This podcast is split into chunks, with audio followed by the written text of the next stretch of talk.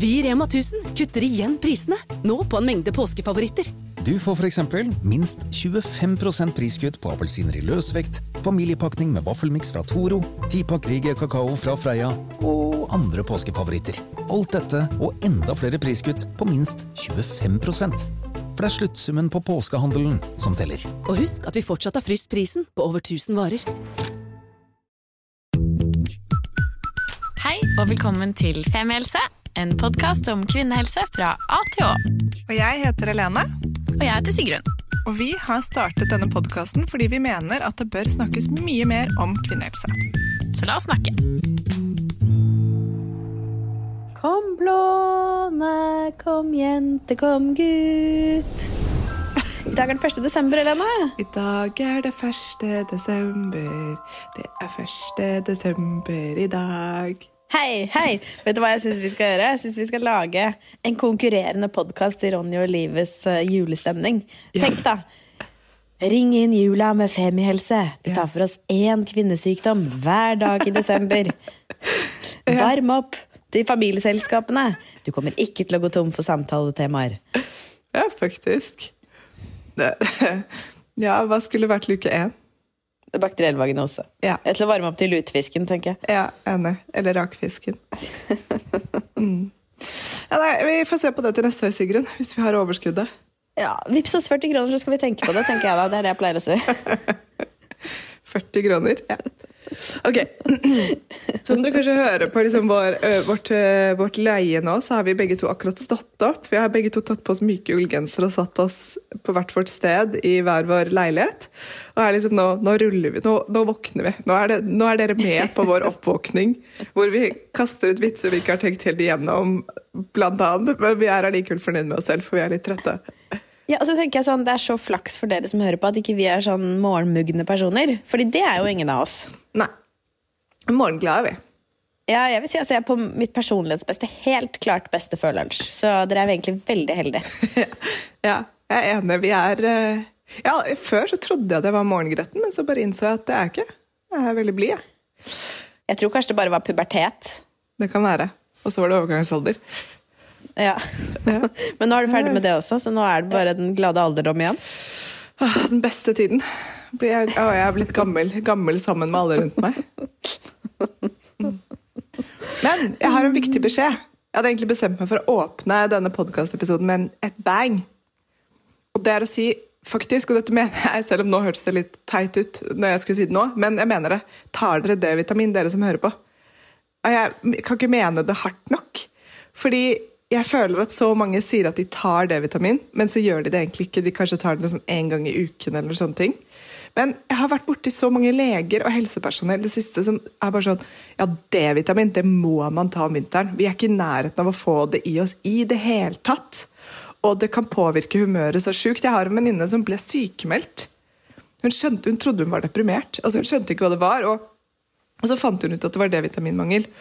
Og uten at vi er helsepersonell, men allikevel kommer med veldig mye helsefaglige råd, som vi har googlet oss til, så vet jeg altså at noen av ganger så kan de verdiene hos legen se helt ok ut, men kanskje det ikke er det for deg allikevel. Så jeg gønner på med D-vitamin, eh, og tar det hver dag, og tran, eh, eller omega-3, da, en sånn kapsel som jeg har kjøpt, eh, fra et merke som heter et eller annet, som jeg ikke husker, men veldig bra.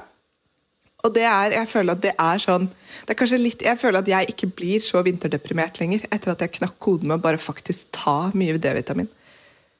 Så fint for deg. Ja. Ja, Nei, du er jo tror ja. et prakteksemplar av et menneske. Mm. Jeg har nå Jeg har mm, kjøpt D-vitamin uh, og satt den på kontorpulten min. Fordi da opplever jeg at sjansen er mye større for at jeg tar det. Det er det. Så Joakim, eller kjæresten min, han måtte sette den ved siden av tannbørsten. Altså, for Han hadde den inne i skapet på badet. Da så han ikke og glemte den. Så det er lett å glemme, Ja. men uh, viktig å huske. Problemet er bare når det er, når det er helg og hjemmekontor. da Så nå blir det da Men det blir i hvert fall D-vitamin fire av syv dager denne uken. Og Ja, det, er det er- bedre enn én. Det burde man være fornøyd med, men poenget mitt er at jeg tror veldig mange tenker at de tar D-vitamin, for de tar det sånn av og, av og til.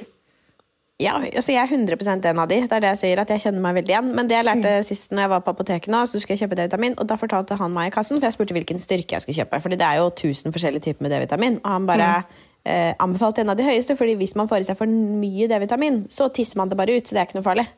Nei, det er nettopp det. Og i Sverige det har de er helt andre, andre doser. Hvis du drar til Sverige, så har de nesten dobbel dose. I hvert fall var det sånn før. da. Det kan godt hende de justerte, men jeg husker sånn, der var det dobbelt så mye du skulle ta, som var anbefalt. Så det er, Ja, det er um, bare gravide som ikke skal ha så mye D-vitamin. ja. det, det er fordi jeg googler. Det er fordi google, det skal ikke vi svare på. Det er bare rykte på gata. Mm. Men du, hvordan går det denne torsdagslørdagen? Du, det går veldig bra. Jeg har um, Jeg føler vi har hatt noen veldig veldig hektiske uker. Så litt hver dag så kjenner jeg sånn Å, nå landet jeg litt mer. Nå fikk jeg roa litt ned. Nå fant jeg roen litt. Ehm, så ja, nei, det går veldig fint. Torsdager er Da jobber jeg halv dag, og så har jeg hjemme altså sånn studietid etter det. Torsdag og fredag. Så det er så deilig når den kommer. For studietid for meg er jo nå akkurat hva jeg vil at det skal være. Sånn, nå i dag og i morgen skal jeg sitte og skrive på eksamen.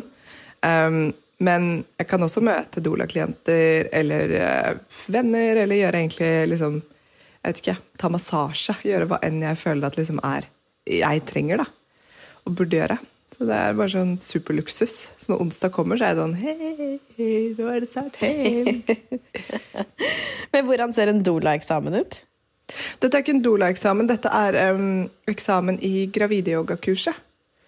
Å, Så den ser ut som at jeg sitter og skriver ut en klasse på 75 minutter.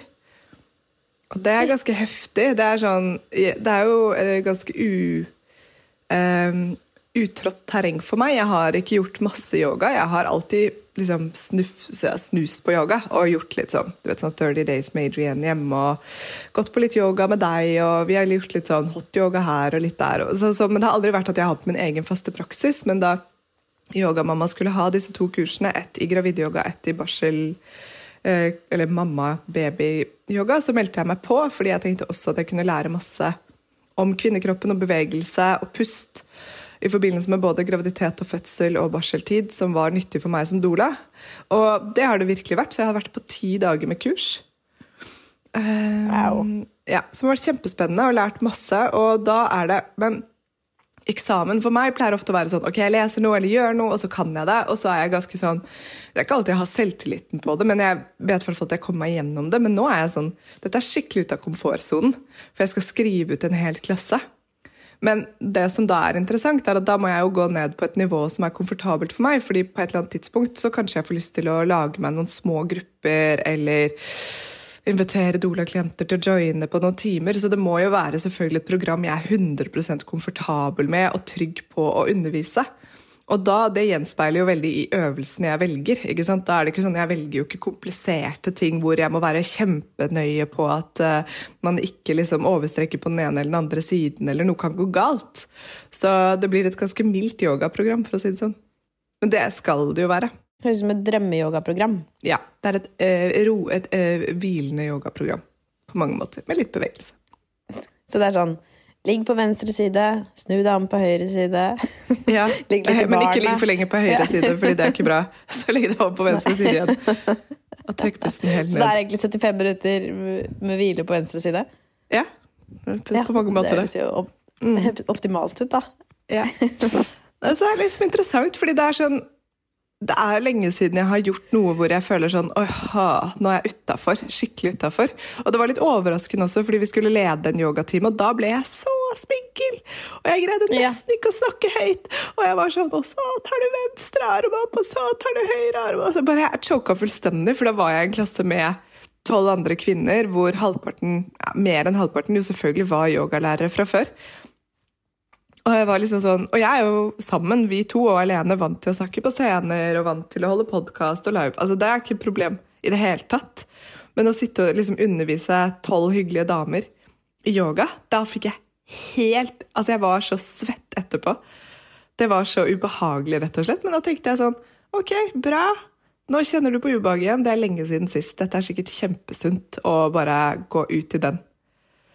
Men Fikk du mestringsfølelse etterpå, eller følte du at du ikke klarte det når du var ferdig? Jeg følte ikke at jeg klarte det, nei. Jeg, jeg fikk ikke mestringsfølelse, men det var en veldig mild gruppe å undervise for, så jeg fikk ikke helt sånn, jeg, ikke, jeg var ikke lei meg eller noe, følte at jeg feilet. Men jeg følte Nei. at ok, jeg har litt igjen før jeg skal sette meg ned foran liksom, to, tre, ti stykker og undervise en klasse og føle meg helt trygg på det, men det er naturlig. ikke sant? Og det er også litt av denne prosessen at jeg tror at jeg bare skal gå på et kurs, og så er jeg ferdig. Men, eller at jeg liksom bare skal bli på en måte supertrygg i alt dette her i løpet av noen uker. Men det kommer jo til å ta år. ikke sant? Og det er det jeg må bare hele tiden tenke sånn Rolig. Du har god tid. Du trenger ikke å mestre dette med en gang. Og dette er også sånn som man mestrer ved å gjøre det. Det er å spørre om du en gang vi er på en hyttetur eller noe sånt, har lyst til å gjøre en times yoga med meg, og så leder jeg rolig yoga med deg og whatever, liksom. Og så er det en øvelse. Og så gjør jeg det igjen og igjen og igjen, og så plutselig så er jeg komfortabel med det, før jeg har gjort det mange nok ganger. Ja. Ja, for Clouet her er vel da å ikke la det ligge i skuffen, som du sier. Men på en måte, selv om du ikke er yogalærer og driver veldig mye med yoga, så holde det litt ved like på en eller annen måte. Ja, virkelig. Og, og dette er jo ikke sånn streng yoga. Dette er yoga som er innenfor på en måte Det er i yoga. Det er absolutt yoga, men det er ikke sånn veldig lineært eller strengt, eller du skal kunne dette og dette. Det er feminin, myk yoga, som jo også er akkurat det jeg elsker med yoga, når man får lov til å gjøre det som føles digg for din egen kropp der og da. Så det føles riktig, men det er som, ja, det er som du sier, jeg må bare orke å sitte og skrive ut eksamen. Jeg må bare gjøre det. Jeg må bare tvinge meg gjennom, selv om hver gang jeg tar opp Mac-en og skal begynne, så bare Å nei, hvordan gjør jeg dette? Jeg kan det ikke. Og så er det sånn, nei, du kan det ikke, for du har ikke gjort det før. Så da må du lære deg det. Bare, ok. Og det er, ja. Så det å studere noe eller gjøre noe når jeg liksom nærmer meg 40, er uh, interessant. For det er liksom som at jeg har glemt at for å lære seg noe, så må du lære deg det. Du må bruke tid på å studere det. Så, og det er jo i arbeidslivet så får du ofte kort tid på å catch up på noe nytt. Jeg viser deg det, så kan du det. ikke sant? Kom igjen, nå lærer vi oss dette.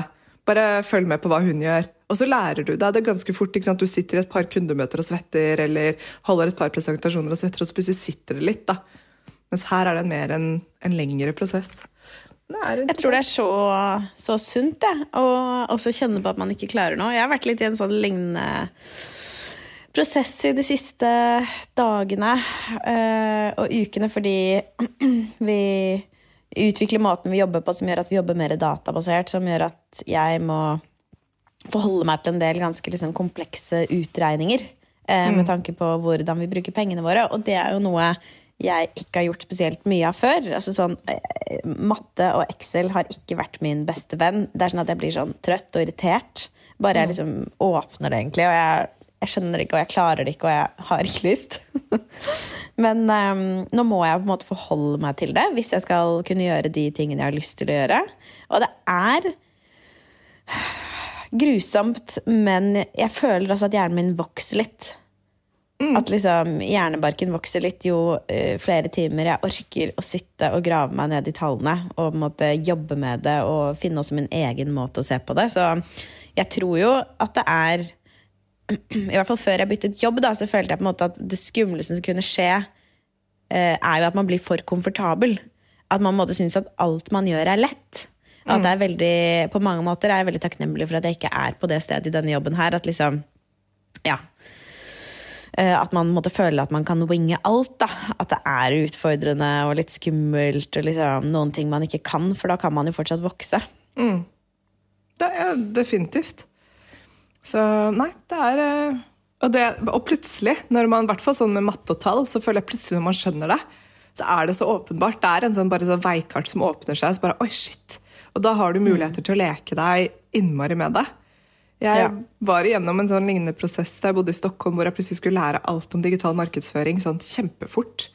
Og jeg bare kastet opp, og jeg hadde aldri åpnet opp Excel før. og Det var bare mareritt. Og så plutselig så bare skjønte jeg formlene, skjønte liksom greia. Så bare ok, det her Og så er det masse bullshit med det også. Det er jo det som er, ikke sant? Det er jo ikke alle de tallene som man skal ta for god fisk, og sånn, så det er også litt frustrerende. Men, men når man begynner å regne på det og kan faktisk regne tilbake på ting, så er det kjempespennende. ikke sant? Ja, Det kan i hvert fall gi en indikasjon. Så um, Ja. Nei, det er, det er vondt, men eh, jeg tror det er bra. Så kult. I hvert fall i lengden. Så bra. Um, vi har jo fått inn en del spørsmål. Ja. Ja, men jeg har en ting egentlig Jeg husker ikke om det var et spørsmål. Det var kanskje et spørsmål, men jeg har i hvert fall en ting jeg har lyst til å si. Som jeg har tenkt veldig mye på. Fordi Um, vi kan jo kanskje begynne med å oppsummere litt før vi går på spørsmålene jeg tenker på om litt om demonstrasjonen og frokostmøtet. Um, for vi, uh, sammen med barselopprøret og til dels bunadsgeriljaen, uh, arrangerte da en demonstrasjon forrige uke uh, foran Stortinget på tirsdag og et frokostmøte på onsdag. Som handlet om nettopp det at vi ser at det kuttes over hele landet i svangerskap, fødsel og barselomsorgen. Og vi bare følte at timingen var For å si fra ordentlig nå, er for å prøve å stoppe det som skjer. Og bremse det og snu det. Fordi nå ligger det så mange sånne planer om ABC-enheten er allerede helgestengt, og det er flere fødeavdelinger over landet som enten stenges helt, eller stenges lenger over sommeren. Når folk flest føder. Og det er um, Vi følte at nå var det bare sånn Vi hadde ti dager på å kaste oss rundt uh, og lage den demonstrasjonen. Så det var virkelig en sånn Men har du laget én demonstrasjon, så kan du lage flere, som vi pleier å si. Så nå hadde vi liksom security-vestene, refleksvestene liggende klare, og vi visste hvordan vi skulle bestille ting hos Copycat. og Sigrun hadde alltid Figma klart. og Det var liksom sånn, det gikk ganske sånn smekk-smekk. da, og Alle som vi inviterte til å holde appell, hadde holdt appell før, så de stilte opp på sekundet. og De trengte ikke masse prepping. og Det var veldig sånn, vi hadde liste med journalister vi skulle ta kontakt med. og Det, og det var jo sånn, det gikk veldig smooth, da, selv om det var masse masse arbeid egentlig nesten døgnet rundt i ti dager. Og eh, Personlig så er jeg ekstremt fornøyd med at vi fikk nesten fem minutter som andre sak på Dagsrevyen den kvelden, hvor de dekket nettopp dette med at vi mister et differensiert fødselstilbud, men ikke minst at veldig mange kvinner får lang reisevei rundt omkring i landet, og som det er forsket på at er noe av det kjipeste du kan gjøre mot kvinner som skal føde. Um, så jeg er i hvert fall veldig fornøyd med at vi fikk satt i gang. Og for oss da, nå er jo vi et lite ekkokammer som får med oss alt av denne debatten. Men det har vært ekstremt mye eh, før og under og etter demonstrasjonen om dette. Og det som er veldig positivt, er at politikerne våkner opp. ikke sant? Det som er, Nå er jeg jo jeg 37 år. Det som er gøy, er at de fleste politikerne er jo yngre enn meg. altså De vi møter, er jo i 30-årene eh, skal få barn, har fått barn og kjenner seg veldig igjen i situasjonen. Kanskje til og med født på ABC eller hatt lang reisevei fordi de er fra distriktene. ikke? Er, så Det er liksom ikke sånn her, det er ikke lenger å stå og liksom rope til en vegg av 55 år gamle menn som bare ikke skjønner greia. Det er, måte, Vi har masse søstre inne på Stortinget da, som er like forbanna som oss, og som gjør det de kan for å få sitt parti til å stemme riktig og forstå verdien av å ha et trygt og godt fødetilbud til alle i hele landet. Og det, um, det, føles bra. Så det er liksom sånn, Jeg velger å se på dette sånn positivt nå, og velger å føle at vi nå er liksom, det er en bevegelse i dette. Og det er mye større enn oss, og det er hele landet liksom slutter seg om det. da. Ja, det er veldig positivt. Samtidig så opplever jeg jo at det er to ekstremt steile Det er ikke parter, men det er eh, to sider av eh, på samme side av saken, for å si det sånn, som er veldig steile. Altså både helseministeren og helsedirektøren ved OUS syns jeg fortsatt møter diskusjonen og i debatten og i pressen med lite sympati, lite endringsvilje. Uh, ja. De er helt off. Altså, de er helt ja. off. Jeg blir sånn Jeg ser på dem prate, og så er jeg bare sånn vi, Bor vi liksom på forskjellige planeter? Ser dere ikke det, det vi eller, eller liksom pakketterer dere det fordi dere ikke orker å forholde dere til det, fordi dere ikke tror at det fins en løsning? Det er det jeg blir helt sånn der, Har dere sittet på bakrommet og bare nei, vi får ikke løst dette, så vi får bare prate positivt om det og si at alt er bra? Eller hva er greia? Jeg fatter det ikke. Det er sånn helt sånn, det, fordi det er sånn det er det jeg mener at jeg blir glad når jeg ser på en måte politikere som er med. Fordi til nå så har det vært helt sånn at jeg har følt meg litt gal. Altså jeg har vært sånn, men alle andre må jo se dette. At dette her er eh, dritt. At det er sånn, og det fins faktisk løsninger for det. Mm. Og det føler jeg fortsatt med Ingvild Kjerkol, helseministeren og direktøren på OUS. At de ser det ikke, eller så lyver de. Altså At de bare ikke anerkjenner hva som faktisk er problemet, og bare liksom pakketterer det inn i sånn politikerpapir. Ja, for jeg håper at det er kunnskapsløshet og ikke bare mangel på menneskelighet. For det er kanskje litt det mm. jeg opplever med Kjerkol spesielt. Da. Sånn, mm. Skal man ikke si at måte, dette er viktigere for kvinner, men hun er jo kvinne, og jeg, nå vet jeg ikke om hun har barn. Hun har det.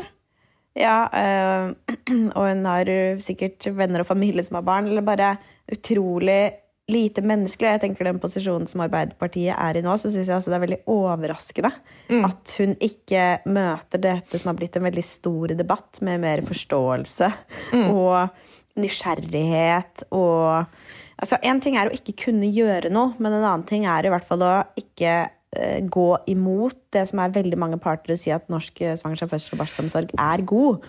Uh, for det er jo bare ekstremt provoserende, og jeg tror ja, at det er en veldig ustrategisk måte å Når du jobber med helse og omsorg primært, da. Én ting er hvis du Ja, hun er det. Hun er omsorgsminister. Ja, ja. det er akkurat det, men uh, akkurat det, det, vervet får hun ikke av meg, altså. Det er. Uh, helse, helseteknologisk minister, helserobotminister. Mm. Ja, helseforetaksminister.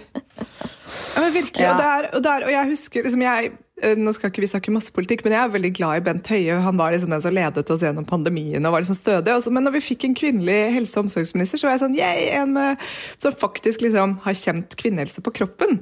Yay, ok, det er positivt. Men så er det liksom ok, obviously har dette ingenting med kjønn å gjøre. da, Når det kommer til det å Fordi det føles så sprøtt å møte henne altså sånn som barselopprøret Maida som møtte henne i debatt, at hun er en motpart.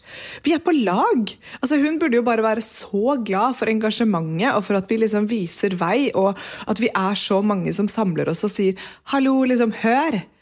Det, det, er jo egentlig en gavepakke til henne, for nå kunne hun bare tenkt sånn Ok, her må vi obviously gjøre noe nytt, fordi det er masse kloke mennesker der ute som sier at ting ikke henger på greip. Det er en hel arbeidsgruppe, altså jordmødrene pluss, pluss, pluss, som sier at ting ikke er greit. Her burde vi lytte. Men så velger hun å bare Nei, jeg går i debatt, jeg. Jeg er på andre siden, jeg. Ja, og jeg tror at Hvis dette hadde vært en hjertesak for henne, så hadde debatten sett annerledes ut. Det hadde vært en ja. annen form for retorikk. Det hadde Altså Jeg sier ikke at det hadde løst seg på 1, 2, 3, men jeg bare tror at det hadde sett annerledes ut. Så det er uh, skikkelig trist, rett og slett, syns mm. jeg. Mm. Um, og det er ikke det at kvinnehelse er den eneste viktige helserelaterte saken der ute. Hun har sikkert sine uh, hjertesaker som hun kjemper for. Men ja. uh, det er et stort engasjement nå, og jeg tror at uh, ved å reagere på måten hun gjør, så mister hun sympatien fra veldig mange. Ja, og det som er, ikke sant, og det, en av grunnene, og det er kanskje litt viktig å si at en av grunnene til at vi engasjerer oss så voldsomt i dette, er fordi uh, alt det vi har lært de siste årene, er at hvis du har en traumatisk opplevelse rundt fødselen din, så henger det igjen resten av livet hvis du ikke får den hjelpen til å bearbeide det i etterkant. Og det er så lite som skal til for at man slipper å få en traumatisk fødsel. Alt medisinsk kan skje og gå til helvete. Sånn er det med kvinnekroppen, dessverre. Men det at du føler deg trygg og sett og hørt, er det aller viktigste. Og det er det alle liksom, rapporter sier, at hvis noen hører på deg, og du føler at de som er i rommet når du føder, snakker til deg, du, de forstår deg, du forstår dem, og det er ikke bare språklig, selvfølgelig, men liksom bare sånn rent at man er på lag, så kan det ende opp i et hastekeisersnitt eller vakuum og tang og whatever, og alt det føles i etterkant sånn Ja, men jeg var trygg. Babyen og jeg var trygge. Vi ble passet på. Og det er det viktigste. Og selvfølgelig, har du opplevd en skikkelig tøff fødsel medisinsk sett, så trenger du å bearbeide den. Det er ikke det jeg sier, men da får du kanskje bearbeidet den. Hvis du bare mm. føler at du var kjemperedd og usikker og trygg, så er det Det sitter så hardt i. Og jeg møtte en uh, jordmor, og dette blir selvfølgelig ikke forskningsbasert, men det resonnerte i hvert fall veldig hos meg. Og hun fortalte meg at hun, en venninne av henne er psykolog, og hun sa jeg har til gode å møte en uh, utbrent kvinne i 40-50-årene som ikke har en traumatisk fødsel bak seg. Og det er aldri det første som kommer opp i første liksom, time hos psykologen. sånn, 'Jeg er stressa, jeg er utslitt, jeg er utbrent, jeg trenger å bli sykemeldt fra jobben.' Eller man spør jo som regel ikke om det heller, men jeg tror kanskje jeg må liksom trappe litt ned en periode. Og hun har i hvert fall lært seg denne psykologen å si ja, har du barn, ja ok, hvordan var fødslene? Og veldig ofte da så kommer det opp det var ikke bra. Og det selvfølgelig er et stort bilde. Da kanskje du ikke har fått støtte av partner, det kan være andre familiære ting, det kan være helsemessige årsaker. Men poenget er at dette er liksom sånn arnestedet for kvinnehelse for veldig mange. Og da sier jeg ikke at liksom, hvis du har endometriose og alt det, at ikke selvfølgelig det påvirker kvinnehelselivet ditt i like stor grad. Men dette er, en, dette er noe som kan være unngått. Det er det som er så frustrerende. At det mm. blir traumer som kan være unngått. Og i den forlengelsen så har jeg en viktig beskjed. Fordi jeg vet at veldig mange Eller ikke veldig mange, det vet jeg ikke. Men jeg har hørt om en del som er gravide nå. Og som blir skikkelig redde. Og som får fødselsangst av denne debatten. Og her har jo vi internt gått noen runder, ikke sant?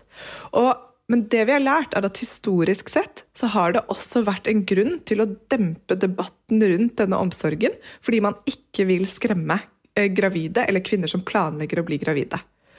Og det gjør jo at vi sitter i saksa hvis vi ikke kan prate høyt om det, fordi vi er redd for at alle dere vakre folk der ute som går nå og skal føde barn, blir redde så får vi heller ikke noe endring. fordi hvert år så fødes det 55 000 cirka, da, eller mellom 50 og 55 000 barn i Norge. Så ikke, det, er aldri en pause hvor vi kan si sånn Ok, ingen er gravide, la oss snakke høyt om det nå. la oss liksom bare, Nå må vi rydde opp i det. Dette er jo en evig sirkel. Men det jeg vil si, da, og dette kan kanskje, hvis ikke noen liksom, eh, dette kan kanskje dere som hører på si videre til deres gravide venninne også, er at akkurat nå så kan vi ta kampen for dere. Dere trenger ikke å engasjere dere. Fokuset deres kan være på å gro fram et nytt menneske. Å lage en baby, å være gravid og gjøre det du kan for å forberede deg til fødsel. Forberede deg på ting som gjør deg trygg, som gjør deg rolig. Lese deg opp på fødsel. Snakke med folk rundt deg. Og hvis du føler at du har begynt å bli redd pga. alt som er i pressen, alt det vi snakker om, barselopprøret, bunadsgeriljaen, alle snakker om, så bare be deg innstendig om å snakke høyt med noen om det. Med partneren din, og eh, kanskje jordmor, med venninner. Og bare si sånn 'Jeg tror jeg har litt fødselsangst. Kan vi snakke om det? Kan jeg få litt hjelp til å bearbeide det?' Fordi det fins masse verktøy der ute som du mentalt sett kan bruke for å forberede deg, sånn som vi snakket om i sted, som til en eksamen, hvor du kan lese deg opp til fødsel. Og det handler om hva som på en måte fremmer oksytocin i deg, hva som gjør deg trygg i en situasjon. Og så vil jeg bare si en ting til. at jeg har også snakket med en del eh, både doulaer som har vært med på fødsler, jeg har selv vært med på en fødsel nå, som jeg kan snakke mer om siden en annen gang, og folk som har født. Og inne på fødestuene, når du først kommer inn der, så er det også veldig mange som opplever at det er umulig å vite denne debatten altså som pågår utenfor. Det er trygt, det er varmt, det er fint. Det er jordmødre med de varmeste hendene og de største hjertene som møter dere. Og Selvfølgelig så fins det masse variasjoner av den historien. Men det er ikke sånn at du går inn på en fødestue i morgen og bare Oi, shit, ja, alt som sto i pressen, er sant. Her er det kaos, det er nedlagt. Det som dessverre skjer, er jo at jordmødrene jobber ræva av seg.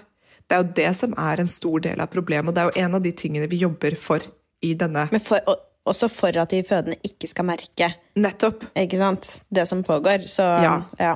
så jeg vil bare si det, og jeg anerkjenner at dette kan være skremmende når du står midt i det. Kanskje du er høygravid, og så er dette alt du leser om. Det du vil lese om, er fødselsomsorgen har aldri vært bedre, kvinner har aldri vært mer fornøyde, jordmødrene elsker å gå på jobb. Og dit skal vi komme. Det er målet med dette. Men jeg bare sier du trenger ikke å engasjere deg i kampen, du trenger ikke å bry deg om det som står i pressen. Logg av, logg ut. Slutt å høre på oss. Eh, og bare We got you now. Og så kan du engasjere deg i dette senere, hvis du har lyst. Men akkurat nå så er vi en gjeng som tar kampen for deg og for oss og for alle andre i framtiden som tenker at man har lyst til å føde i Norge. Jeg vil bare si det. Det er skikkelig fint. Ja. Det er veldig viktig. Enig med deg. Mm. Så og når det kommer til ting du kan forberede deg på, herregud, det er så mye du kan gjøre. Det handler, altså bare sånn det å tenke liksom, hvor er det jeg føler meg, hvordan føler jeg meg trygg, hva skal til for det, og begynne å artikulere det høyt, lage mantraer inni hodet ditt. Det er liksom sånn masse Positiv fødsel snakket om det på episoden. Du kan, altså Når du er i det mest intense og vonde og smertene på sykehuset og skal føde, eller hjemme, eller hvor du velger å føde, så kan du se for deg liksom favorittstedet ditt. Kanskje det er hytta di i solveggen. Bare liksom late som du er der i noen minutter. Og dette høres helt ko-ko ut nå. Men jeg har hørt om så mange som har hjelp av å mentalisere seg til tryggere steder under fødselen, og hvor det kan hjelpe til å bare være i den fødselsboblen. Da. Så ork å lese litt om det, og gjør det du føler er behagelig for deg av forberedelser. Men bare vit at du er trygg, da. Mm. Du er trygg. Det er akkurat det. Og jeg føler ja. Hvordan man ønsker å forberede seg til fødsel, er så utrolig forskjellig også. Det er jo veldig mm. mange som ikke ønsker å sette seg så mye inn i det. og ja, ønsker å på en måte gå åpent inn i det på sykehuset også. Og jeg kan også forstå at det er ja, noe noen ønsker å gjøre. Definitivt. jeg, bare utfordrer det litt på at man skal lete etter grunnen til at man gjør det. For hvis man syns det er skummelt å lære for mye om fødsel, så kan det godt hende at det kan bli en litt skummel opplevelse også, for ting kan komme litt som et sjokk. Fordi det er nok sjokk under en fødsel som det er. Du kan lese mm. absolutt alt, og så allikevel så kan det bli 100 annerledes enn det. Så det å lese liksom minimum, bare sånn google litt sånn How to get a nice birth, liksom. Bare sånn lite grann. Bare dyppe litt inn og se om det kan vekke en interesse og kanskje kan skape en trygghet istedenfor at man får helt choke av det. Og hvis du syns det er skikkelig skummelt å lese om noe som helst om fødsel, da anbefaler jeg deg å si det høyt til jordmoren din eller hvem du er på kontroll hos neste gang. Fordi det kan hende at de har noen gode tips. Helt enkle, konkrete tips som bare kan gjøre at du senker skuldrene litt og kjenner at du slapper av i magen og hjertet. Og bare OK, greit. Dette skal jeg greie. Så ja. Og det er jeg helt enig, Sigrun. Det er liksom, folk er så forskjellige på hva slags behov man har. Men bare lete litt i hvorfor man har det behovet. Jeg tror det kan være lurt. Mm. Ja, bra. Ok, da, da var den branntalen over. Men vi har fått inn noen spørsmål? Ja, la oss gjøre det. Skal vi se. Det er veldig gøy at dere sender så masse spørsmål. Det setter vi skikkelig stor pris på. Mm. Ok, jeg begynner på toppen, jeg. Ja. Nå har vi jo snakket litt om eh, Nå har vi jo snakket litt om demonstrasjonen, så jeg begynner med noe litt annet. Hvilken prevensjon bruker dere for tiden, og er dere fornøyde med den? Eh, jeg kan jo begynne. Jeg har en hormonspiral, en Mirena, som jeg har hatt siden ja, rett etter at jeg fødte. Hadde det før det også. Er strålende fornøyd for det meste. Har ikke mensen. Føler meg veldig stabil i hodet. Har litt eh, hatt litt problemer med syster og liksom tidvis litt smerter, men det veier opp eh, for det meste. Jeg føler meg veldig trygg og veldig stable. Altså, jeg elsker kvinnehelse. Altså, jeg elsker det. Det er sånn, ja, For det meste fornøyd. Jeg har hatt litt syster, men det går bra. Tenk deg at det Ja. var liksom noe mannlig som var sånn Jeg er kjempefornøyd med dette sportsskadeteipen. Jeg får en del syster i, eh, i, rundt blæra, men, men jeg er fornøyd, altså. Det, det funker. Det er bare Jo da, men det er jo snakk om på en måte noen ganger på tre år, da. Ja. Så jeg er Eller to år. Jeg er, jeg er fornøyd. ja. Ikke sant? Ja. Mye mer fornøyd enn jeg var på p-piller, og jeg hadde ikke vært fornøyd hvis jeg Altså, jeg tror det mentale stresset jeg hadde hatt på å ikke gå på noe, hadde vært uh, uh, Ja, det er verdt det. Det er det jo veldig mange som sier om hormonspiral, at, det er, at mange er fornøyde med det. Um, nå fikk jeg beskjed nå sist jeg var hos gynekologen at de har klippet disse trådene som de bruker til å dra den ut med altfor kort. Så hun bare sånn, ja, da må du ta dritmye smertestillende eh, neste gang du, eller den dagen du skal ta den ut. Så det blir jo interessant, da. Nei, nei, du må legges i narkose og opereres ut. Det der er uaktuelt at du skal kjenne på i våken tilstand. Ja. Ja. Nei, ikke sant? Ja, ja. Men ok, det er veldig bra. Det er, jeg blir alltid også veldig glad når jeg hører om hormonprevensjonshistorier hvor det funker for folk, og hvor det faktisk gir økt livsstil. ja. Um, jeg går, på, går ikke på noe prevensjon nå. Um, jeg hadde ballerina, er det det den het? Den lille Hva het den? Nå har jeg helt glemt det. Den lille kobberspiralen. Som, uh, det var Ja. ikke kobberspiral, det var de tre, tre kobberprikkene på en snor. Herregud, vi har jo snakket Ja. om det i en episode også. Ja, jeg, Jeg skal finne den- det ut. Bare fortsett. Du. Ja, jeg hadde den fram til februar i år. Så ti måneder siden. Noe sånt nå. Og så Gynefix. bare Gynefix var det, ja. Takk. Ja. Ja, og jeg var egentlig også ganske fornøyd med den, men jeg fikk bare helt sånn Jeg fikk bare, jeg orker ikke å ha et fremmedlegeme i kroppen.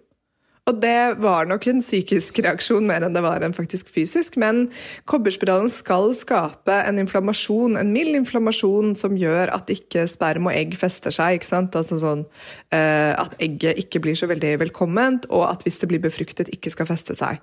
Um, og jeg følte ofte at jeg våknet med litt vondt i korsryggen, og selvfølgelig hadde jeg mye sterkere mensblødninger osv. Men uh, jeg vet at dette er et veldig godt alternativ for mange som ikke har lyst til å prøve seg på hormon, eller som ikke tåler hormonell prevensjon, selv om mange mener jo også at kobber er et form for liksom, Det er jo et stoff, det også. Men anyways, jeg tok det ut, og vi eh, praktiserer forsiktighet. Og det har nå funket fint i eh, snart et år. Så ja, enten så er vi sterile, eller så, eller så bare funker den metoden også. Jeg kan jo syklusen min. Jeg vet jo når jeg har eggløsning, som jo selvfølgelig er Eller jeg vet sånn cirka når jeg har eggløsning, som selvfølgelig er en bidragsyter til at vi kan være ganske forsiktige, da. Så um, jeg er veldig fornøyd med å ikke gå på noen ting. Og det har jo selvfølgelig vært i perioder hvor jeg har hatt slitt med PMS. Så jeg har vært veldig inne på om jeg skulle eksempel sette inn en hormonspiral og se om det kunne hjelpe, men det er heller ingen garanti.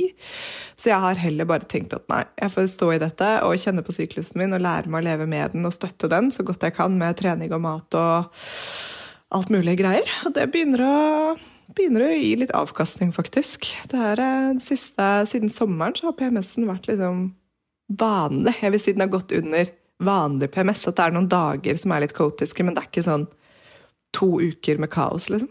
Og det kan jeg leve med. Det er så deilig. Mm, Det er skikkelig bra. Mm.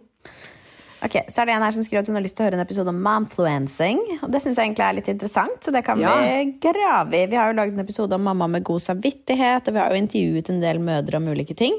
Mm. Men um, det er et spennende tema, så hvis du eller dere har noen spesielle dere ønsker at vi skal intervjue der, send oss en DM. Hun som sendte spørsmålet, hun, eh, på, der hun sendte oss en lengre melding ah, ja. uh, inn på Instagram om litt hva hun mente med momfluencing. Da. Og jeg syns jo det som ehm, var veldig interessant, at det hun mente, var at når hun, jeg tror, sånn som jeg leste, at hun hadde blitt mamma selv, og da hadde hun opplevd et veldig sånn rush på Instagram av plutselig kontoer som selvfølgelig algoritmisk greide å koble seg på henne og tilbød ulike tjenester. Og det er jo selvfølgelig også i forbindelse med fødsel. Det er jo sånn som positiv fødsel som vi har snakket med, eller eh, mamma, sånn eh, barnemat, eller ditten og datten av tjenester og ting som skal gjøre tilværelsen bedre under, under denne perioden. Og det hun kanskje mm, kommenterte litt på, var at det også er en veldig sårbar periode. Så jeg har drevet og fundert litt på dette spørsmålet og tenkt litt. Og jeg synes det er veldig sånn, jeg har ikke noe jeg har ikke noe klart svar, eller jeg har ikke noe klar mening, fordi veldig mange av disse tjenestene tilbyr jo noe som er bra. Ikke sant? Det er sånn, det kan hjelpe deg. Det kan hjelpe deg til å få en eh, mer positiv opplevelse av fødselen din. Det kan hjelpe deg eh, med gode tips og triks til å lage eh, sunn og næringsrik mat til barnet ditt og til deg selv. Det kan hjelpe deg til å få trent opp bekkenet ditt etter fødsel osv. Men for mange så kan det også oppleves som enda en ting på to do-listen. Enda en ting du må mestre, enda en ting du ikke er god nok på. Og jeg diskuterte det med noen venninner, og, og noen av de var helt sånn Ja, herregud, jeg opplevde det veldig å måtte avfølge folk. Og da var jeg litt sånn Exactly. Fordi det er også en mulighet man har på Instagram, er å avfølge folk. Altså, du trenger ikke å være i du trenger ikke å la deg eksponere så hardt for alle disse kontoene. Du kan bare gå inn og trykke 'avfølg', 'skjul', 'få bort', 'vekk'. Jeg er ikke interessert. Um, så jeg, jeg lander, fordi jeg, jeg landet ikke helt i hva jeg liksom Og som doula da, så kom jeg jo etter hvert til å liksom nettopp tilby tjenester til kvinner i en veldig sårbar fase. Men jeg vet jo at jeg også kommer til å hjelpe noen. Og så er det en del som kommer til å synes at jeg er irriterende. Som er sånn 'slutt å prate, jeg har ikke lyst til å lære mer om dette, jeg vil ikke vite'. Kan ikke jeg bare ikke høre noe om det? Det er ubehagelig. Eller du, det er for mye, eller jeg føler at du skremmer meg, eller disse tingene hadde jeg ikke tenkt på, nå ble jeg redd. ikke sant? Men så er det andre som kommer til å føle sånn ah, Knowledge er eh, power, og dette var deilig å vite mer om, og herregud, nå fikk jeg en mye bedre opplevelse. Og, det er så vanskelig, da. Men jeg er helt enig med henne. Det er et felt som er interessant, fordi man snakker til en målgruppe som er i en kaotisk og sliten og sårbar periode. Så man skal være forsiktig med hvordan man prater, og man, hvilke ord man bruker. Men samtidig så er det også mulig å bare avfølge. Da var den opp episoden oppsummert. Det var fint. Da fikk vi laget den på tre minutter. Men jeg, gjerne liksom flere, flere innspill på dette, hva folk syns. Men, men jeg mener at magien med sosiale medier er at du har et valg. Og vi har alltid snakket om det som Clean Up Sunday, og gå gjennom feeden din og rydde opp de som gir deg dårlig samvittighet. Om det så er folk som bare er jævlig gode til å sy eller lage mat eller trene, og du kjenner at hver gang det dukker opp en post, og du får litt klump i magen fordi du ikke føler deg like bra, avfølg. Trenger ikke å sammenligne deg. Men ja. Men hun hadde liksom noen flere poenger i, i meldingen sin om at det var liksom litt samarbeid mellom kontoer videre. Men jeg, jeg lander også litt på at jeg tror intensjonen til veldig mange av disse, som selvfølgelig i tillegg til å tjene penger, men intensjonen er god. At de har lyst til å hjelpe kvinner. De har lyst til, de har kanskje lært seg noe. Trening, mat, liksom tips, triks, mentalt, whatever. Og så har de lyst til å videreformidle det fordi det, det har hjulpet dem, og så blir det en karriere etter hvert. Og det mener jeg at er legit. Det er som alle som jobber med kropp og helse. På en eller annen måte. Ja. Så ja. Mm. Bra. Next question. um, ja, hvordan har dere det? Og ser livet ut sånn som dere hadde trodd for noen år siden? Hmm. Det er jo et stort spørsmål, da. Ja, jeg, jeg fikk det og fikk eksistensiell krise da jeg leste spørsmålet. Så ble jeg sånn, jeg gikk inn i en sånn dyp liten sånn eh, runde med meg selv. Sånn Shit, er jeg der jeg trodde? Ja, men, men er du der du trodde, da? Ja, men jeg tror det som var veldig sånn Ok, det enkle svaret som kom helt åpenbart for meg, er at etter å ha vært gjennom noen runder Jeg gjorde det slutt med min første samboer da jeg var 30. Min andre samboer da jeg var 33 eller 34. Nå har jeg en ny samboer. Alle de der milepælene som jeg har trodd at skulle definere meg og lede til det ene eller det andre, har ikke blitt sånn. Så jeg tror, og jeg er ikke sikker, det kan være noe dypere i meg som jobber på et annet nivå, men jeg tror at jeg har sluttet å tro hvordan livet mitt skal bli. At jeg har liksom opplevd så mange ganger nå at livet har snudd helt om på hodet av hva jeg trodde. Og at det har vært en liten sånn ting å takle i seg selv. At nå går ikke jeg rundt og tror at jeg skal bli mamma da eller da, eller at jeg skal bo der og der, eller at jeg skal gjøre det og det. Jeg bare tenker at ok, jeg har en eh, Jeg, er i noen løp. ikke sant? Det er sånn, eh, Jeg utdanner meg til å bli doula. Ok, men, er det, det er ikke, men det er ikke sikkert at jeg skal jobbe som doula om et år. Selv om jeg allerede jobber som doula. på en måte. Jeg, jeg, jeg tror jeg har greid å åpne litt mer opp for at I don't know. liksom. Og og i hvert fall når det kommer til sånn fertilitet eller kvinnehelse, og sånne ting, så vet man liksom at der har man ingen kontroll. da. Så om jeg er der Jeg, jeg kan i hvert fall si at jeg har det veldig bra. Ja, det er Så- veldig bra. Ja, altså jeg er glad, og jeg våkner opp eh, ganske fornøyd hver morgen og er liksom morgenglad og får trent litt og får gjøre ting jeg er i flow med. Og, så kanskje jeg vil si at jeg er på et bedre sted enn det jeg trodde, fordi for bare et år siden så jobbet jeg med digital markedsføring og kjente at det ikke var riktig for meg lenger. Så jeg, kanskje jeg er på et mye bedre sted enn det jeg trodde jeg skulle være. Men nettopp, jeg trodde jo ikke det heller. Jeg trodde jo ikke det for et år siden. At jeg skulle liksom om et år sitte og ha halve uken fri til å gjøre mine ting, og det var Dola-virksomhet og femihelse og øh, kjøpt meg nytt kamera og driver og leker masse med å ta gøy bilder og liksom Det hadde jeg ikke trodd for et år siden. Men så plutselig bare skjedde det. Og bare det å kjøpe seg et nytt kamera, da, som jeg gjorde litt sånn på slump. Jeg bare gikk inn og bare investerte i et nytt kamera. Og så drev jeg og tok masse bilder nå på gravidyoga-kurs, og så var det så gøy. Jeg bare kjente sånn derre Ny hobby! Og som jeg også kan bruke i jobben min. Så det er sånn, plutselig så får man jo noen overraskelser som er større enn det man trodde, da. Ja. Hva med deg? Har du det bra? Er du der du trodde? Eh, ja, jeg har det bra på mange måter. Det er jo litt sånn eh, en hektisk del av livet. Men sånn er, Hvis jeg går liksom begynner med der jeg trodde, da, så eh, har jeg jo alltid tenkt av en eller annen grunn at jeg liksom eh, har lyst til å få barn relativt tidlig. Eh, Og som liksom en del av eh, karriere og liksom ja, at, at jeg har lyst til at de to tingene skal skje parallelt. Og det, det har jo absolutt skjedd. Tutti kom jo for to og et halvt år siden, og jeg trives skikkelig godt med, med Shout-out til Tutti! Yay. Den beste Tutti.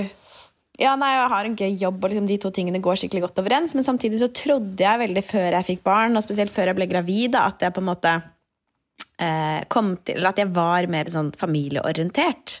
Eh, og at jeg måtte, kanskje var ferdig med mange ting, og liksom var sånn sett klar for å liksom settle down i, i familielivet, morlivet. Og det har jo kanskje vært den største sånn eh, learningen, at etter at hun kom, så har jeg på mange måter fått liksom mer smaken på det andre livet igjen. Fordi jeg Det handler kanskje liksom om at liksom tiden er knappere, og jeg har, jeg har blitt bedre kjent med meg selv. da, Hvilke ting som er viktig for meg, og hvor jeg får energien min fra når det er så mye som eh, er litt sånn hektisk og tidvis slitsomt, på en måte.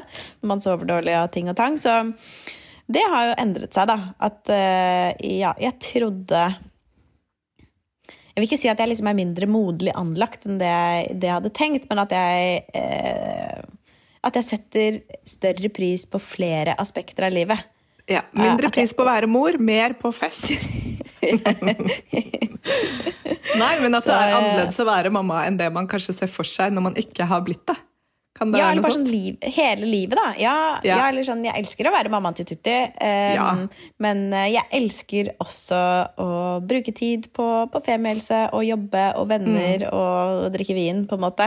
Og jeg føler at for oss da, så trenger ikke de to tingene å gå så veldig på bekostning av hverandre, så lenge man har en fleksibel partner og er heldig med et nettverk rundt seg, og ikke minst et barn som er glad i å være med på ting, liksom. Så, Som er jo også grunnen til at vi ikke har fått et barn til. uh, nettopp fordi at den balansen er så viktig for oss, da, og for oss begge to. Og begge to har nok fått en litt sånn oh, ja, men vi liker det også. Vi elsker, elsker å være en liten gjeng på tre, og vi elsker livet utenom det. Så Der syns jeg jo du er ekstremt god i håndtering av livet. Jeg snakket med noen venninner eh, her forleden. Eh, Jeg føler meg veldig heldig som får snakket med venninnene mine for tiden. det må jeg si, Men hvor hun ene sa bare sånn ah, fy faen, jeg bare Sigrun ass, hun nailer livet så jævlig. Så kul jobb, så kul mamma, så kul. Og jeg bare hei, hei, hei, hun, dere vet ingenting om hva som foregår på baksiden. Neida. Men jeg sa jo, dere har rett. Men jeg bare liker ikke når folk sammenligner seg ut ifra hva de Nei. ser på utsiden. Men Nei. men jeg sa én ting som er helt 100% sant om deg, er at du er god på å være chill. Du er god på å gjøre ting sånn som vi alltid gjør. da Vi leverer alltid 80% av det beste vi kunne levert. Men det gjør at vi får ting gjort. Og det er liksom sånn det er sånn, sånn, sånn den yogaeksamen jeg holder på med nå. Jeg kommer til å gjøre mitt beste, men jeg kommer ikke til å ligge våken og tenke på hvordan jeg kunne gjort det bedre. På et eller annet punkt så kommer jeg til å bare sette strek og tenke sånn, dette får være godt nok.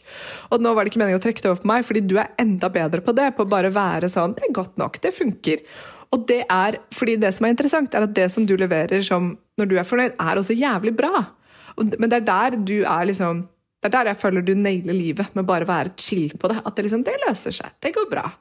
Og nettopp det at ikke du har en sånn plan på Og dette er ikke til forkleinelse faktisk mot dere andre som har det, men det var ikke veldig viktig for deg at det maks skulle være tre år mellom Tutti og nestemann hvis dere skal få flere barn en gang. Du hadde ikke en sånn plan. Du bare følte etter at vet du hva, vi venter litt, vi chiller litt, vi lever livet vårt. Dette her er best akkurat nå, og så får man se hva som skjer. Og det kan, Alle disse planene vi har, er jo ofte de som også legger litt snubletråder, fordi de går aldri helt sånn som man hadde tenkt. Som er sjokkerende.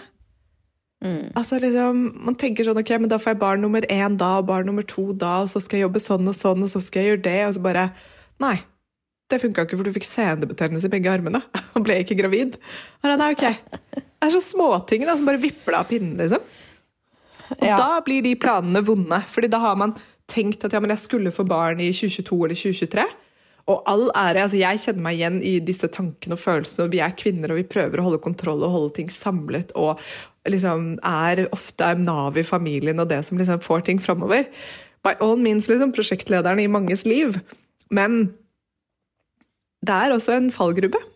Det der å ha liksom de derre Jeg ser for meg at om et år så har jeg akkurat født og er nyutdannet doula og jobber fulltid og tjener en million kroner i året. Å nei, ingenting av det skjedde. Nei, ok, kult.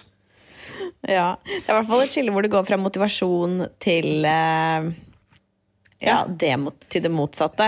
Um, men det kommer, altså jeg tenker, dette er så sykt med man, Det er så vanskelig å bestemme seg for å være på den ene eller andre måten. Nå er jo jeg en veldig lite ambisiøs person, som er liksom en personlighetsting som gjør at uh, jeg lar livet skje, og så har jeg ganske heldig. Ja, det er helt sant. ja, at det er Det er en liksom god egenskap. Ja da, altså, men det, det ordner seg som regel. Men det er jo nok også en del av måten jeg er oppdratt på, med veldig liksom, positive foreldre og veldig lite krisemaksimering. Veldig sånn Ok, men da bare gjør vi noe annet, på en måte. Eh, som, um, ja, som er en fin ting som jeg også har lyst til å ta med meg til, til Tutti. Da, at det er liksom Ja, det, det ordner seg som regel. På en eller annen måte. Og, en, og at det ordner seg, betyr ikke at det ble som det skulle være. Ja, og det er nettopp. Og i går så hadde vi en sånn mini-utsnitt av livet på den måten hvor Joakim og jeg eh, hadde bestemt oss, for jeg har alltid gruet meg til jul. Det vært en veldig vond tid for meg. Hatt eh, liksom skilsmisse og besteforeldre som har dødd i jula, og det har bare balla på seg med ubehandlede traumer, som har selvfølgelig hånta meg i voksen alder. Men nå har jeg jobbet meg gjennom dem med god terapi og andre virkemidler. og i år var liksom første året jeg gledet meg til jul, og Joakim har tatt meg i hånden og bare sagt sånn, vi skal pynte hele leiligheten til jul. Så Koselig. i går ja, veldig. Så i går var vi ute og kjøpte vår første julepynt, og vi kjøpte juletre, og vi pyntet hele huset. Men under julepyntingen så ble det litt stress. Og det, plutselig så kjente jeg sånn gammel grums som begynte å komme litt opp. Og Joakim var veldig opptatt av å fyre i peisen, mens jeg prøvde å få på lyset og på treet. Og så funket ikke lyset, og så slo jeg hodet i en bjelke, og da kjente jeg sånn Nå rakner det. Og jeg likte ikke julemusikken. Det ble liksom bare sånn Nei, nå kommer alt dette julestresset opp i kroppen. Nå takker jeg for meg. Og så sa jeg til Joakim nå blir jeg stressa. Og så sa han sånn «Ah, Ok, men vet du hva? Nå har vi litt motstand på dette her, men det blir fortsatt fint. Og så kjente jeg sånn ja, nå er du voksen, Helene. Nå kan du tilegne deg nye mønstre. Nå kan du gjøre ting på andre måter. Nå kan du anerkjenne at dette her ble ikke sånn som en sånn eh, julevideo, eh, musikkvideo. Dette ble litt sånn, litt keitete på noen små punkter, men vi kan fortsatt redde inn på slutten. Og så gjorde vi det, og så pynta vi treet, og så ble det veldig hyggelig å tente masse stearinlys og så på en episode av White Lotus og bare spiste en klementin. Og så ble det kjempefint. Selv om det på midten der så kunne det gått begge veier. Jeg kunne jeg kunne laget en krangel. Fordi jeg kjente at dette her, jeg må få ut dette grumset på en eller annen måte. Men jeg valgte å Jeg greide ved hjelp av Joakim å bare ok, chille det ned. Så det er liksom interessant også at man har, den, man har den kraften i seg til å også bare ok, dette er et mønster jeg har, men jeg er ikke med på det mer. Mm. Så der, Du har vært heldig å lære det av foreldrene dine. Uh, ikke et vondt ord om min mor og far, men det er kanskje ikke det jeg har lært av dem. Så lære meg det selv i voksen alder, og Joakim er en god bidragsyter der. Å, det er så fint. Jeg har veldig lyst til å komme eh, på besøk i juleleiligheten. Fordi ja. eh, jeg føler at vi hopper over julen i år, for vi har flyttet eh, igjen til en ny midlertidig leilighet siden vi holdt på å renovere.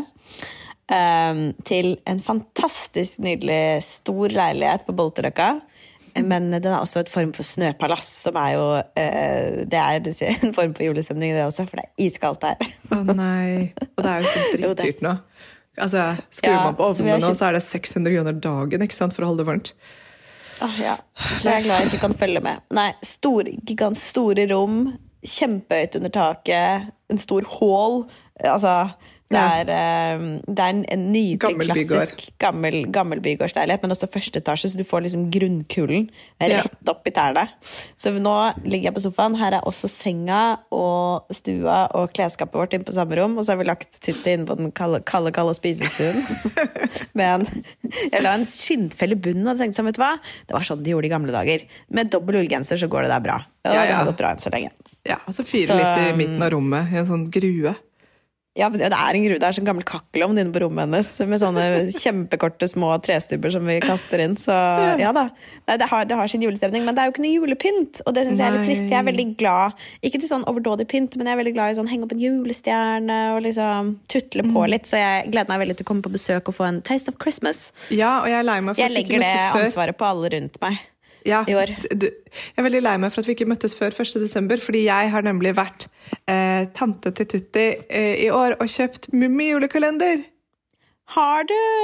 Ja, den står her ved siden av meg, og den var Nei. da Jeg har, skjønt, jeg har nemlig lært Jeg har hørt fra folk med barn at man må aldri åpne kalenderen om morgenen, fordi da begynner de å våkne sånn fire-fem om morgenen.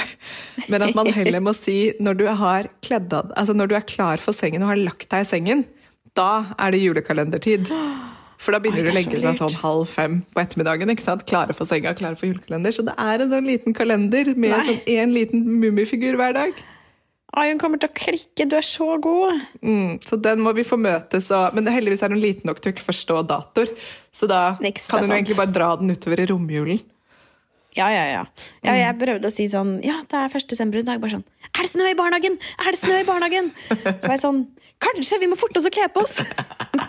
ja, vi må løpe til barnehagen og se. Ja, det er en så bra greie. På med dress og lue. Ja, ja. Og hjelm! Kom igjen, vi sykler og ser om det er snø der. Uh, ja. Smart. Aldri, aldri bekreft eller avkreft sånne ting. Nei. Nei. Man må ikke gjøre det. Nei. Så bra. Har vi fått inn et par siste spørsmål vi har lyst til å ta før vi runder av denne lange julemorgenpraten vår, eller hvordan ligger vi igjen? Altså, det er veldig mange store spørsmål, så jeg lurer på om vi faktisk skal runde av. Ja. Ja. Ehm, det er mange av de som vi har snakket om på en eller annen måte, og så er det noe bra innspo både til videre jobb med barselopprøret og til andre episoder. Ja, så fint. Så um, ja, som sagt, vips oss 40 kroner hvis vi skal lage en uh, femmelse julepod i 2023. Så skal vi begynne å idédrodle. Ja. Og så håper vi at dere får en deilig start på desember. Vi tar snart juleferie. Ja. Eh, så dette er vel trolig siste personlige episode før jul.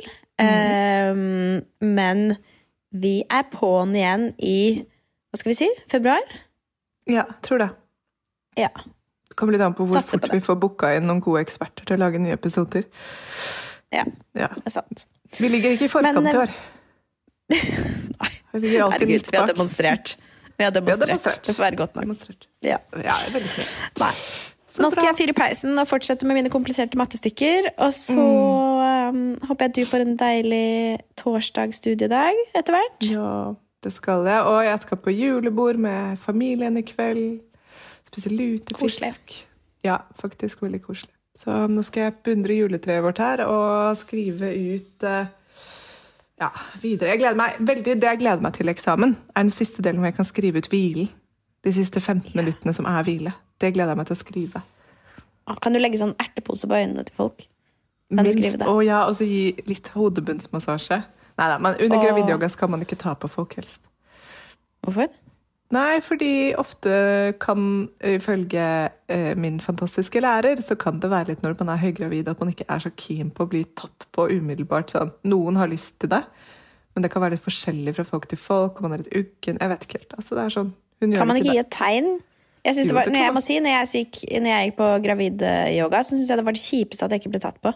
Og det har jeg snakket med så mange som syns det samme. Og, men det var jo litt koronarestriksjoner både når jeg gikk på gravid- og barselyoga. Men at man savnet så sykt både det å bli litt korrigert og bare få liksom en sånn en varm hånd på seg. Og... Ja, Men da sa hun Helt på slutten av koronaen da, så åpnet de litt opp for å ta, så sa hun sånn Gi et tegn hvis du ikke vil at jeg skal gjøre liksom Eller enten hvis du vil at jeg skal legge teppe på deg og gjøre litt sånne type ting. Og det var Da veldig skal jeg legge ned hvile at jeg legger meg i skje med alle. Ja. Jeg ligger inntil bak og holder rundt magen i ett og et halvt minutt på hver eneste deltaker. Og stryker og sier sånn Du er trygg. Du er trygg. intimt ut. Ja. Ok, Ok, ha det! ha det! Tusen takk for at du hørte på podkasten vår. Selv om det forhåpentligvis kommer tydelig frem, så vil vi understreke at vi ikke er helsepersonell. Ja, så Som vanlig, kontakt legen din om du har noen spørsmål, eller om du skal begynne på noen form for behandling. Og har du et tema som du har lyst til at vi skal snakke om, eller noe ris eller ros, så send oss gjerne en melding på Facebook eller på Instagram. Der finner du oss under Femihelse. Og du kan gjerne rate oss på iTunes, det er skikkelig hyggelig for oss. Ha en fin dag! Ha en kjempefin dag!